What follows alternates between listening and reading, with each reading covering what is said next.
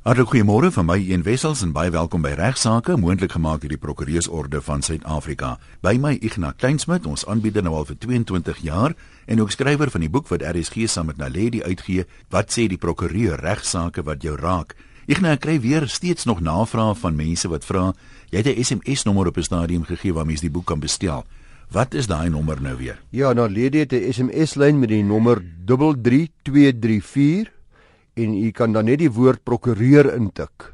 En dan kan jy op daardie wyse weer die boek wat sê die prokureur bestel daar is nog 'n klompie oor. Die humor wat ons altyd hier op regsaake gehad het was geweldig gewild geweest en 'n aanleiding daarvan is ek besig om 'n boek te skryf vir RSG ons noem dit voorlopig humor in die hof maar dit gaan nie net oor die hof nie dit gaan oor die hele regswêreld eintlik so oor die proses miskien net vir mense wat nou nou al die boek wil koop hy is nog nie geskryf nie ons gaan hier in November mense nooi vir bydraes dan gaan ek hier oor Desember die boek skryf Ek sê graag die boek in Februarie wil wil voorlê aan die uitgewers en dan sit die hele paar maande nog voor hy uitkom. Dit maak nie saak of jy verkeersbeampte of 'n polisiebeampte is nie of 'n prokureur of 'n advokaat of 'n landros of 'n staatsanklaer of 'n regter of 'n regter se klerk of 'n tolk nie. Ek dink enige iemand wat in die regswêreld werk, kry op 'n gereelde grondslag te doen met baie snaakse insidente wat ons baie graag met die publiek wil deel. So wat ons in die boek wil doen, jy weet nie mooi te skryf nie, ek sal dit self inkleer, maar ons wil mense nooi om hulle bydraes vir ons te stuur en dan versamel ons van die lekker lagstories in die breër spektrum van die regswêreld. Jy stuur dit vir my per e-pos een@rsg.co.za. Of as dit vir jou makliker is om te onthou, kan jy ook vanaf my webwerf kontak maak, eenwessels.com klik daar op kontak my, dan kan jy daarvan af ook vir my e-pos stuur. Ek nou nou kom ons kom by die pitkos waaroor gesels ons vandag. Ja, Ian, gister het die kunstefees begin hier by RSG. Nou in ons gesin Mala en ek is dit heerlik. Ons kan nie wag op die uh, verskeie hoogtepunte van hierdie feesprogram nie. Elke jaar is mense verstom oor die kunstenaars se vindingrykheid, hulle entoesiasme en veral die uh, uitstekende talent wat ons in Suid-Afrika het. Wat hierdie program betref, daar's min aspekte van ons samelewing wat los staan van die reg. Alles wat ons doen word gereguleer deur die reg. En mense mooi daaroor dink, uh, ook die kunste is onlosmaaklik verweef in die hele reg. Ons is nie deel van die kunstefees hierdie program nie, maar ek het dit tog goed gedink om 'n baie beskeie en 'n geringe bydraetjie te maak tot die kunstefees deur bietjie te gesels net baie vinnig oor outeursreg. Uh, nou dog jy gaan een van 'n rol vertolk. Kom ons in 'n drama nou. Dankie tog daar. outeursreg raak eintlik elke liewe program wat uitgesend word vanaf RSG op Dis waar, nee, mens dink nie altyd daaraan. Elke liewe program wat almal wat op hierdie fees optree, nie net almal wat, wat by die fees optree nie, ook elke program elke dag tydens die kunstefees en nie tydens die kunstefees nie word hierdie reg geraak. Outeursreg moet ek dadelik bieg is 'n spesialisgebied. Ek is beslis nie 'n spesialis nie. Ek wil my ook nie voorgee as 'n spesialis nie. Daarom gaan ek maar net baie oppervlakkig eer net raak in die basiese beginsels van outeursreg net om vir ons luisteraars en vir die kunstenaars daar buite net weer 'n idee te gee van hoe outeursreg werk. Eerstens moet mens vra wat is vatbaar vir outeursreg? Dit is so dat outeursreg is 'n intellektuele eiendomsreg. Dit word baie keer aangeneem dat dit net van toepassing is op kunstenaars en uh digters en skilders en skrywers en dan komponiste. Dis egter baie baie meer wyeer is dit. Dit raak onder andere alle literêre werke, alle musikale werke, alle kunsinnige werke, artistic works, alle films natuurlik, sinematografiese werke van enige aard en belangrik ook alle klankopnames. Ons is hier besig met 'n klankopname. Alle klankopnames word geraak deur outeursreg, alle uitsendings, alle broadcasts, alles wat uitgesaai word, alle rekenaarprogramme word onder andere ook daardeur geraak. Nou sommige van hierdie kategorieë word baie wyd gedefinieer. Ek gaan nou nie probeer slim wees oor hoe wyd dit regtig is nie, maar om vir idee te gee, literêre werke sluit byvoorbeeld in novelles, allerlei stories, alle digterlike werke, alle dramatiese werke, alle verhoogproduksies, alle uitsaaiwerke, alle handleidings, alle ensiklopedies, uh, woordeboeke word daarbey ingesluit, briewe. So dis baie. Daar's outeursreg op briewe, op gewone skrywes, op verslae, op memoranda, uh lesings, die lesing wat ek aanbied by die universiteit of by 'n klasse waar ek nogal outeursreg op, toesprake, preke, vraag wat dadelik by my opkom. Jy praat nou van lesings wat jy aanbied. Ek meen die die inligting wat jy in die lesing vervat, dit is gewoonlik baie bekend ja. in die openbare domein, maar is dit die spesifieke manier? Sê nou jy deel dit nou in dat hier's nou 'n woord, kom ons sê denkers en by die D sê jy nou doen iets en so aan. Die manier hoe jy dit saamvat, is dit wat wat die outeursreg dan Ek dink die die, die woord die woord hierso is die oorspronklikheid daarvan. As ek 'n lesing gee, dat ek net uitlees uit 'n ander se lesing uit, dan is dit natuurlik glad nie oorspronklik nie. Ja, ja. Auteursreg handel altyd dat uh, allerlei tipe van vorms van intellektuele goedere reg beskerming is belangrik dat daar oorspronklikheid moet wees. Die eienaar van 'n outeursreg in 'n werk is die outeur of skepper van daardie werk. En jy moet daar moet 'n skepping van iets nuuts wees, iets anders wees en uh, dan eers dan het ek eksklusiewe reg oor wat gedoen word of die magtiging om daardie lesing dan nou wat jy nou genoem het weer te gebruik. Anderswoorde as my lesing oorspronklik was, natuurlik is dit nou baie belangrik om te besef waar ek in diens van iemand optree. Soos die dosent aan die universiteit of die onderwyser by die skool of wat ek nogal, dan behoort daai auteursreg nie meer aan my nie. Dan behoort dit aan my werkgewer. Net soos op hierdie radioprogram wat ons hierso nou doen, uh, ek is indirek ook in diens terwyl ek geen vergoeding ontvang nie wat wat terloops uh, want hierdie program word aangebied met die met die samewerking van die Prokureursorde van Suid-Afrika en ek doen dit as 'n diens aan die publiek namens die Prokureursorde van Suid-Afrika om die reg bietjie meer toeganklik te maak, maar nogtans sal die outeursreg nie in my vestig nie want ek werk hier vir RSG en vir die hmm. SAIK. Dit is belangrik alhoewel ons praat van al hierdie wye uitbreiding van die definisie om te besef dat die outeursreg, die outeur is net die eienaar van daardie outeursreg as dit sy eie werk is, sy oorspronklike skepping en hy ook nie 'n kontrak het wat die eienaars-reg. Ja, so kom ons kom ons sê ek skryf nou 'n radiodrama wat RSG uitsaai. Ek het daarom nog die outeursreg op die teks van die drama. Ja, dit sal beslis so wees daar waar jy vergoed word daarvoor sal die vergoedingsooreenkoms dalk nou bepaling in hê wat spesifiek met outeursreg handel. En dat niks verbied die RSG om te sê ek gaan dit bloot ek gaan dit slegs uitsaai op voorwaarde dat jy die auteursreg aan my afstaan as deel van die vergoedingspakket wat jy daarvoor gaan kry. Ja, dit is gewoonlik, hulle kan dit oor 10 jaar heruitsend as hulle wil, jy weet, dat dit so al daai tipe van dinge. Ja. Ekskuus, ek het nou sommer net nee, daai nee, vraag nee, by my opgekom gaan aan. Dit is goed, dit is goed dat ons dit doen dat terwyl jy praat oor 10 jaar, kom ons kyk bietjie nou hoe lank duur auteursreg. Dis ook interessant dat vir dit literêre, musikale of of kunswerke behalwe fotos. Die duur daarvan is die leeftyd van jy wat die werk geskep het, die die outeer ja. Outeer, die outeer plus 50 jaar na jou afsterwe. Jou outeursreg bly voortbestaan vir 50 jaar wat jou nageslag dit nog kan beskerm as hulle dit sou wou of daaruit vergoeding kan kry. Vir films is dit 'n bietjie anderste en ook vir fotos en rekenaarprogramme. Daar is dit 50 jaar vanaf die datum waarop hierdie werk die eerste maal beskikbaar gemaak is aan die publiek. Beskikbaar gestel is vir verbruik deur die publiek en ook so in die geval van klankopnames soos hierdie wat ons nou hier doen en uh gepubliseerde uitgawes is dit ook 50 jaar vanaf die einde van die jaar waarin die uitsending of uitgawe gepubliseer is. Wat beteken dit nou? Wat wat is die situasie na die 50 jaar? Kom ons sê iemand het 'n fliek gemaak in 1950. Dan kan jy dit Dis nou 65 jaar gelede. Kan ek dit dan sê maar op my webwerf sit, sê kom ja. kyk hierdie fliek of dit wys gratis of wat? Dis 'n goeie vraag want dit gee my die geleentheid om te sê wat word werklik beskerm? En wat werklik beskerm word is hoofsaaklik 'n neutedop en ek sê weer ek oor vir eenvoudig nou en ek het 'n oppervlakkige stelling maar dit is die werklikheid vir ons wat as leuke luister is die kopieering in die algemeen daarvan die hergebruik daarvan sonder toestemming. Wat gewoonlik maar in die wet word beskryf maar as copying die hergebruik daarvan so dit mag nie gereproduseer of gekopieer word binne daardie tydperk sonder dat daar toestemming gekry word by die outeur en dikwels sal die toestemming gepaard gaan met 'n vorm van vergoeding. Ek weet byvoorbeeld in televisieadvertensies as hulle bekende gewilde liedjie gebruik, dit is 'n fortuin wat betaal word vir die regte daarvoor, sê net maar uh, weet vir 'n sportveld tog die wêreldbeker om 'n liedjie daar te gebruik of koeldranke. Ek weet Pepsi het op die ja, stadion van Michael Jackson se goed gebruik, maar dis miljoene waarvan ons daar praat. Ja, maar as daai tydperk verby is, kan jy dan gratis in jou advertensie daai liedjie gebruik of nie? Dis geen probleem hoegenaamd nie. Dit is so. Dit vir sou verklaar hoekom mense so dikwels redelike ou musiek hoor in televisie advertensies en in rolprente. Want dan is jou teers reg dit ja, verval. Ja.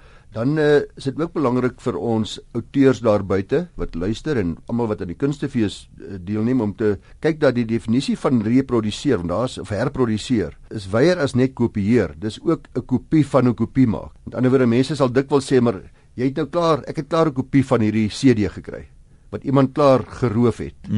en nou kan ek mos maar nie weer 'n kopie maak want ek is nie meer die skuldige een nie. Elke een wat 'n kopie maak van 'n kopie is weer net so skuldig en terloops terwyl ek nou van daarvan praat en dis waar die grootste oortredings plaasvind is maar by die oor oormaak van boeke en en van veral musiek. Daar's werklik ernstige strawwe gekoppel in die wet, die kopiereg wetgewing.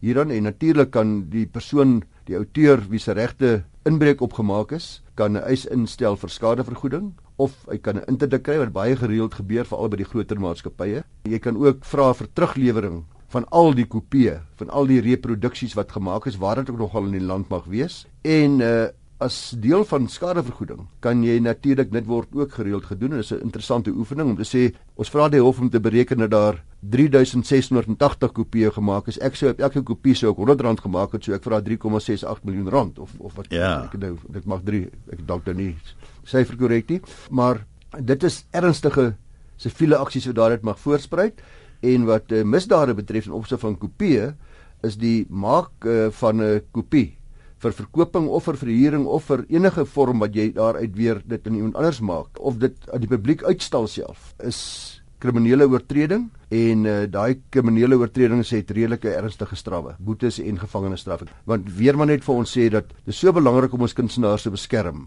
Want nou met die digitale uh, wetenskap en die en die rekenaar tyd waarin ons lewe kry kunstenaars ongelooflik swaar mens vra maar ordentlikheid van ons ja. luisteraars. Ja. Jy weet dit is net billik. Jy moet nie daarvan hou om dit om om die werk wat u voor vergoed word gratis en almal beskikbaar te stel nie. 'n Vraag wat 'n mens baie by die publiek kry wat jy miskien net kan aanraak hier. Sê nou ek het argumentshalwe 100 CD's by die huis. Ek het hulle gekoop, ek het vir hulle betaal, dis my eiendom. Kan ek nou byvoorbeeld by die huis my eie versamel CD maak waar ek nou kan sê my 20 gunsteling liedjies laai ek af op die CD. Dis nie om te verkoop nie, ek wil dit net in my motor speel, maar nou hoef ek nie 20 fisiese CD saam te ry nie. Ek sit dit op een CD of op een stokkie en ek vir my eie genot speel ek dit dan nou maak nie saak om my motor of waar kan ek kan 'n mens dit doen. Ian, ek kan nie die vraag antwoord nie as ek spekuleer daaroor sou dadelik sê dat Dit is regtig net vir jou eie doeleinde is. Kan ek nie dink dat e-, enige outeur ooit daaroor beswaar gemaak nie, want jy het vir die oorspronklike weergawe wat jy betaal en jy plaas net net oor op 'n ander formaat. Die punt is as daar beswaar sou kom, dink ek daar gaan nie skadevergoeding wees nie. So baie verbaas wees as daar ooit 'n beswaar sou kom. So beswaar sou en ek geen effek hê nie. Geen is dit tyd dat ons weer iemand nooi om met ons te kom gesels oor ander reforme van intellektuele goedere reg beskerming. As iemand is wat belangstel, 'n prokureur wat dalk luister of 'n firma wat uh, ons wil behulpsaam wees, kontak my gerus by igna by vvd.co.za. Dis lyk like my die kontak maak en hoor of ons dalk vir u kan gebruik op hierdie program. Een ek het 'n skrywe gekry van iemand wat beweet of kriminele oortredings ook verjaar artikel 18.1 van die strafproseswet sê dat uh, daar is wel verjaring van sekere kriminele oortredings behalwe as daar anders in die wet bepaal is. Verjaar alle kriminele oortredings 20 jaar vanaf die datum waarop die misdaad gepleeg was. 20 jaar na datum van die misdaad. Daar is egter soos ek sê uitsonderings en uitsonderings is byvoorbeeld die volgende: moord, hoogverraad, roof met verswaarende omstandighede, ontvoering, kinderdiefstal, verkrachting, dan is daar misdade teen die mensdom uh en ook oorlogsmisdade, handel in mense vir seksuele doeleindes, is ook daarvan en natuurlik ook om 'n kind te gebruik wat geestesongesteld is, geestesgestremde kind of persoon, ekskuus, kind of persoon geestesgestremd is vir pornografiese doeleindes. Daardie misdade Hulle was destyds terloops toe hierdie wet geskryf was, was dit nog bekend as die halsmisdade. Dit was die halsmisdade is misdade waarvoor die doodstraf opgelê kon word. Uh dis nou nie meer halsmisdade nie, maar die wet het nog steeds daardie misdade nog steeds gelys as misdade wat nie die normale 20 jaar verjaringstydperk het nie. En uh hierdie lys van ernstige misdade wat voor 27 April 94 geklassifiseer was as verweere, soos ek sê, bestaan vandag nog net so. As mens nou net kyk na praktiese voorbeelde, Bob Hewitt se saak nou onlangs. Ek verbeel my dit gaan iets soos 40 jaar terug. Die klaagster in die saak was 'n tiener gewees en hy het vir haar tennisafrigting gegee. En hy's nou 'n man van in sy 70's. Korrek. Dan het ons eh, 'n uh, brief gekry van 'n dokter in die Oos-Kaap. Sy sê so sy dit noem sy vat weer man.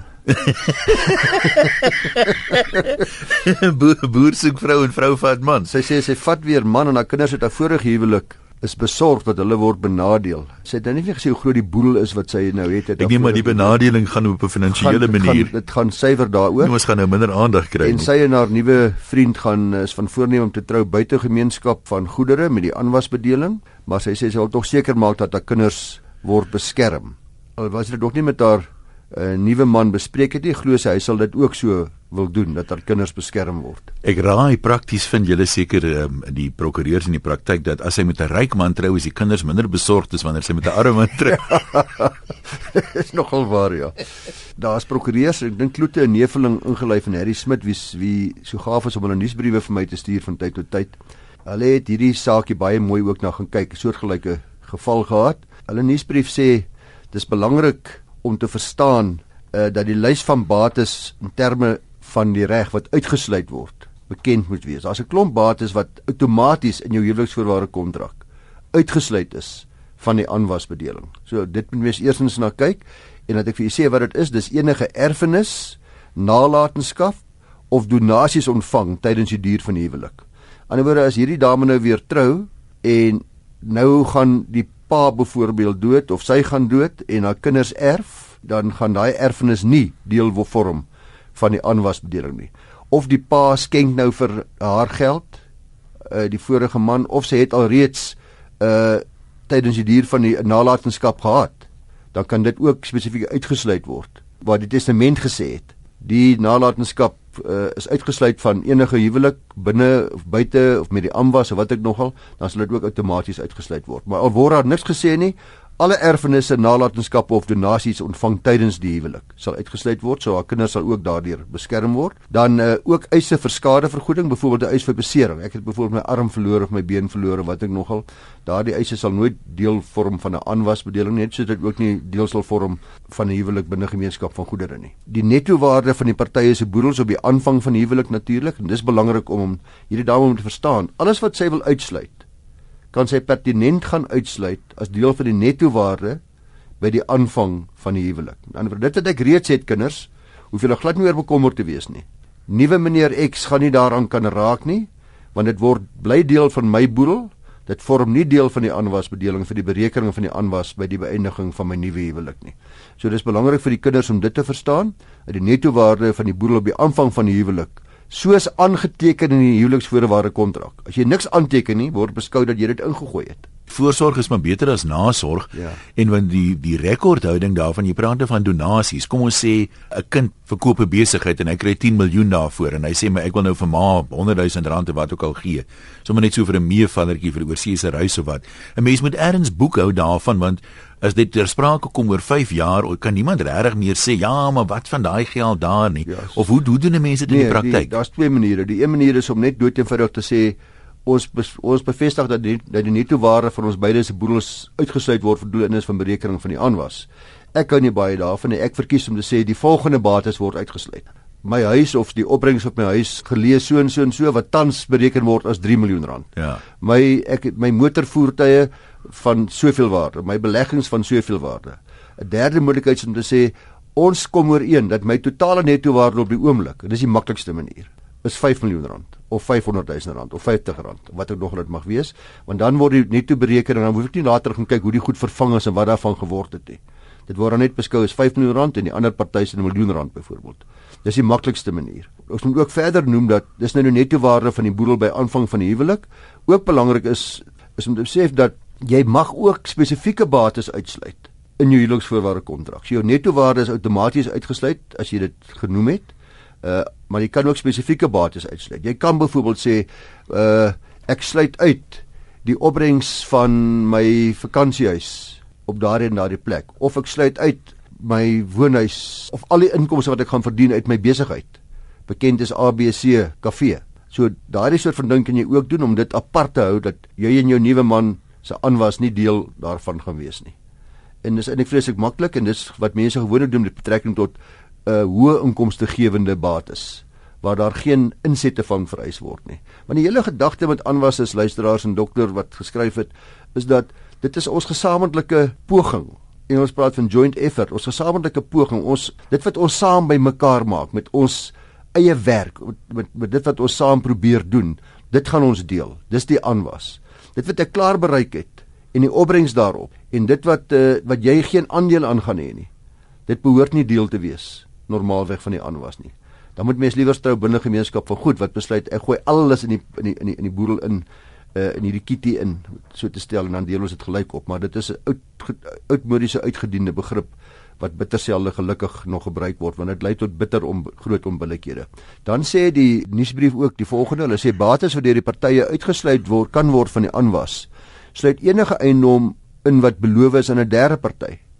Byvoorbeeld ek het beloof dat my kinders gaan erf of hulle gaan dit my kinders gaan die persiese matte kry of dit kry of dat kry of so so wat ek nog net mag wees of ook aandele in 'n familiebesigheid en die inkomste wat daardeur gegenereer word soos ek reeds gesê is. Vir 'n bate om uitgesluit te word van die aanwas, moet dit verkieslik volledig omskryf word en dit moet duidelik gestel word of die hele bate uitgesluit word of of slegs 'n spesifieke gedeelte daarvan. Dit steeds in besluit in die diskresie van die paartjie om enige tipe bate wat deel vorm van die om deel te laat vorm van die aanwasberekening.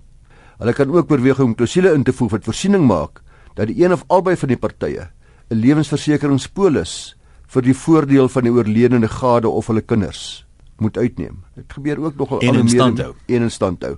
In ander woorde, indien die polishouer tot sterwe kom, dan gaan die kinders 'n sekere bedrag kry. Op sodoende word die kinders al gerus gestel.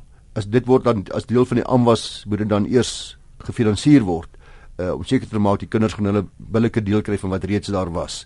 So daar daar's die die gewone reëls vir die uitleg van kontrakte is van toepassing op op 'n HVK, op 'n lewensvoorwaarde kontrak en ek dink dikwels dat notarisse nie besef. Onthou notaris is die ou wat die kontrak opstel.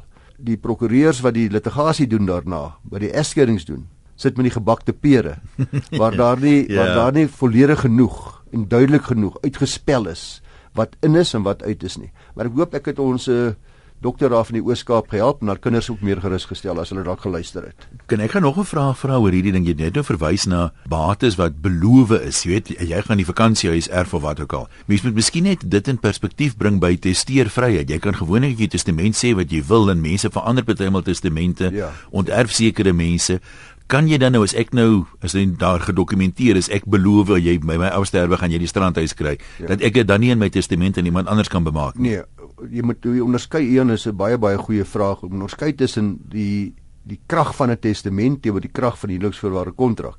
Die testament gaan altyd sterker wees as die huweliksvoorwaarde kontrak by interpartes tussen die twee partye.